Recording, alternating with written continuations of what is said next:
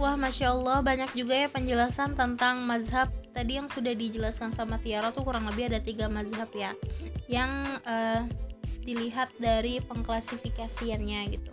Teman-teman, uh, yuk kita masuk ke bab selanjutnya, tema selanjutnya. Ini kita masuk ke dalam mekanisme pasar menurut sarjana Muslim. Sebenarnya lebih ke mekanisme pasarnya ya cuma pengen tahu nih ada nggak sih mekanisme pasar menurut sarjana muslim? Kan kita tahu dong uh, sarjana muslim itu kan banyak banget ya Tiara ya, ya pengen betul. tahu nih kalau mekanisme pasar menurut sarjana muslim tuh apa aja sih? Dan menurut siapa aja sih? Ya uh, baik. Jadi mekanisme pasar itu menurut sarjana muslim ada beberapa ya yang merumuskan. Nah pasar sendiri itu telah mendapatkan perhatian memadai dari para ulama klasik seperti Abu Yusuf, Al-Ghazali, Ibnu Khaldun, dan Ibnu Taimiyah. Pemikiran-pemikiran mereka tentang pasar tidak saja mampu memberikan analisis yang tajam tentang apa yang terjadi pada masa itu, tapi tergolong futuristis. Banyak dari pemikiran mereka baru dibahas oleh ilmuwan-ilmuwan barat beberapa ratus tahun kemudian atau beratus-ratus tahun kemudian. Yang pertama, mekanisme pasar menurut Abu Yusuf. Pemikiran Abu Yusuf tentang pasar dapat dilihat dalam bukunya yang berjudul Al-Kharaj. Ia menyimpulkan bahwa bekerjanya hukum permintaan dan penawaran pasar dalam menentukan tingkat harga meskipun permintaan dan penawarannya tidak dikatakan secara eksplisit tidak ada batasan tertentu tentang murah dan mahal yang dapat dipastikan. Yang kedua, itu menurut Ibnu Taimiyah. Pandangan Ibnu Taimiyah mengenai pasar terfokus pada pergerakan harga yang terjadi pada waktu itu, tetapi ia meletakkannya dalam kerangka mekanisme pasar. Secara umum, ia telah menunjukkan the beauty of market atau keindahan mekanisme pasar sebagai mekanisme ekonomi, di samping segala kelemahannya. Ibnu Taimiyah berpendapat bahwa kenaikan harga tidak selalu disebabkan oleh ketidakadilan dari para pedagang atau penjual. Harga merupakan hasil interaksi hukum, permintaan, dan penawaran yang terbentuk karena berbagai faktor yang kompleks. Lalu menurut Al-Ghazali, itu membahas topik-topik ekonomi, termasuk pasar. Dalam magnum opusnya itu, ia telah membicarakan tentang barter dan permasalahannya pentingnya aktivitas perdagangan, serta evolusi terjadinya pasar, termasuk bekerjanya kekuatan permintaan dan penawaran dalam, dalam pengaruh harga. Terus yang terakhir itu uh, menurut Ibnu Khaldun. Nah, pemikiran Ibnu Khaldun ini tentang pasar ditulis dalam bukunya yang monumental Al-Muqaddimah. Ia membagi barang-barang menjadi dua kategori, yaitu barang pokok dan barang mewah. Menurutnya, jika suatu kota berkembang dan jumlah penduduknya semakin banyak, harga barang-barang pokok akan menurun, sementara harga barang-barang mewah akan meningkat. Menurunnya jika suatu kota berkembang dan jumlah penduduknya semakin banyak, harga barang-barang pokok akan menurun, sementara harga barang mewah akan naik. Hal ini disebabkan oleh meningkatnya penawaran bahkan pangan dan bahan pokok lainnya sebab barang ini sangat penting dan dibutuhkan oleh setiap orang sehingga pengadaannya akan diprioritaskan. Sementara itu, harga barang mewah akan naik sejalan dengan meningkatnya gaya hidup yang mengakibatkan peningkatan permintaan barang mewah ini. Nah, di sini Ibnu Khaldun sebenarnya menjelaskan pengaruh permintaan dan penawaran terhadap tingkat harga. Secara merinci, ia juga menjelaskan pengaruh persaingan di antara para konsumen dan meningkatnya biaya-biaya akibat perpajakan dan pungutan-pungutan lain terhadap tingkat harga. Dalam buku tersebut, Ibnu Khaldun juga mendeskripsikan pengaruh kenaikan dan penurunan penawaran terhadap tingkat harga. Ia, ia menyatakan, ketika barang-barang yang tersedia sedikit, harga-harga akan naik. Namun apabila jarak antar kota dekat dan aman untuk melakukan perjalanan, akan banyak orang yang diimpor sehingga ketersediaan barang-barang akan melimpah dan harga-harga akan turun.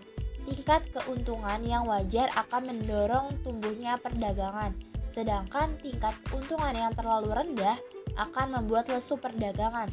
Jika tingkat keuntungan terlalu tinggi, perdagangan juga akan melemah sebab akan menurunkan tingkat permintaan konsumen. Ibnu Khaldun sangat menghargai harga yang terjadi dalam pasar bebas, tetapi ia tidak mengajukan saran-saran kebijakan pemerintah untuk mengelola harganya. Ibnu Khaldun lebih banyak fokus pada faktor-faktor yang mempengaruhi harga. Hal ini tentu saja berbeda dengan Ibnu Taimiyah yang dengan tegas menentang intervensi pemerintah sepanjang pasar berjalan dengan bebas dan normal. Para sarjana muslim pun itu e, memiliki pandangan masing-masing tentunya tentang mekanisme pasar itu sendiri. Adapun mekanisme pasar dalam pandangan Islam secara global adalah harus sesuai dengan ketentuan Allah Subhanahu wa taala bahwa perniagaan harus dilakukan atas dasar suka sama suka yang disebutkan dalam firman Allah Subhanahu wa taala di Quran surat An-Nisa ayat 29. Nah, agar mekanisme pasar dapat berjalan dengan baik dan dapat memberikan mutual goodwill bagi para pelakunya, nilai-nilai moralitas mutlak harus ditegakkan. Nah, secara khusus nilai moralitas yang mendapat perhatian penting dalam pasar adalah persaingan yang sehat, kejujuran, keterbukaan, dan keadilan. Nah, mungkin itu aja nih Yun.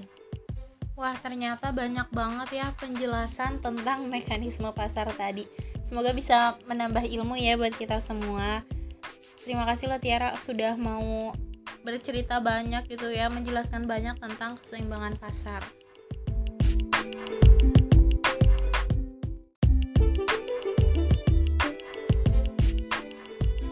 Maaf ya teman-teman, tadi maksud aku tuh bukan keseimbangan pasar, tapi mekanisme pasar. Nah, yang selanjutnya akan kita bahas baru tentang keseimbangan pasar. Jadi tadi cukup terkecoh sedikit ya, tapi nggak apa-apa kok. Kita langsung masuk ke dalam keseimbangan pasar ya teman-teman. Nah, Tiara mau tahu dong pengertian keseimbangan pasar tuh apa sih gitu. Terus bagaimana sih proses tercapainya keseimbangan itu sendiri? Ya, jadi untuk pengertian keseimbangan pasar sendiri itu bisa dikenal dengan equilibrium atau menggambarkan suatu situasi saat semua kekuatan yang ada dalam pasar, yaitu permintaan dan penawaran, berada dalam keadaan seimbang sehingga setiap variabel yang terbentuk di pasar, harga dan kuantitas sudah tidak lagi berubah. Nah, dalam keadaan ini, harga dan kuantitas yang diminta akan sama dengan yang ditawarkan, sehingga terjadilah transaksi. Nah, untuk proses tercapainya keseimbangan itu sendiri, dalam pasar dapat berawal dari mana aja, baik dari sisi permintaan maupun dari sisi penawaran.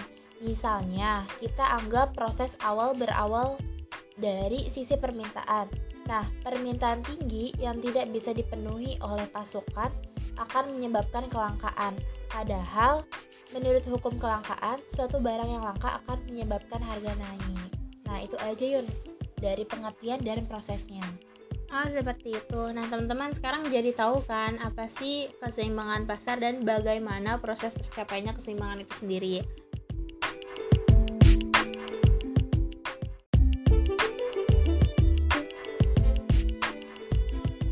Teman-teman, tadi kan kita udah ngebahas tentang mekanisme pasar, keseimbangan pasar.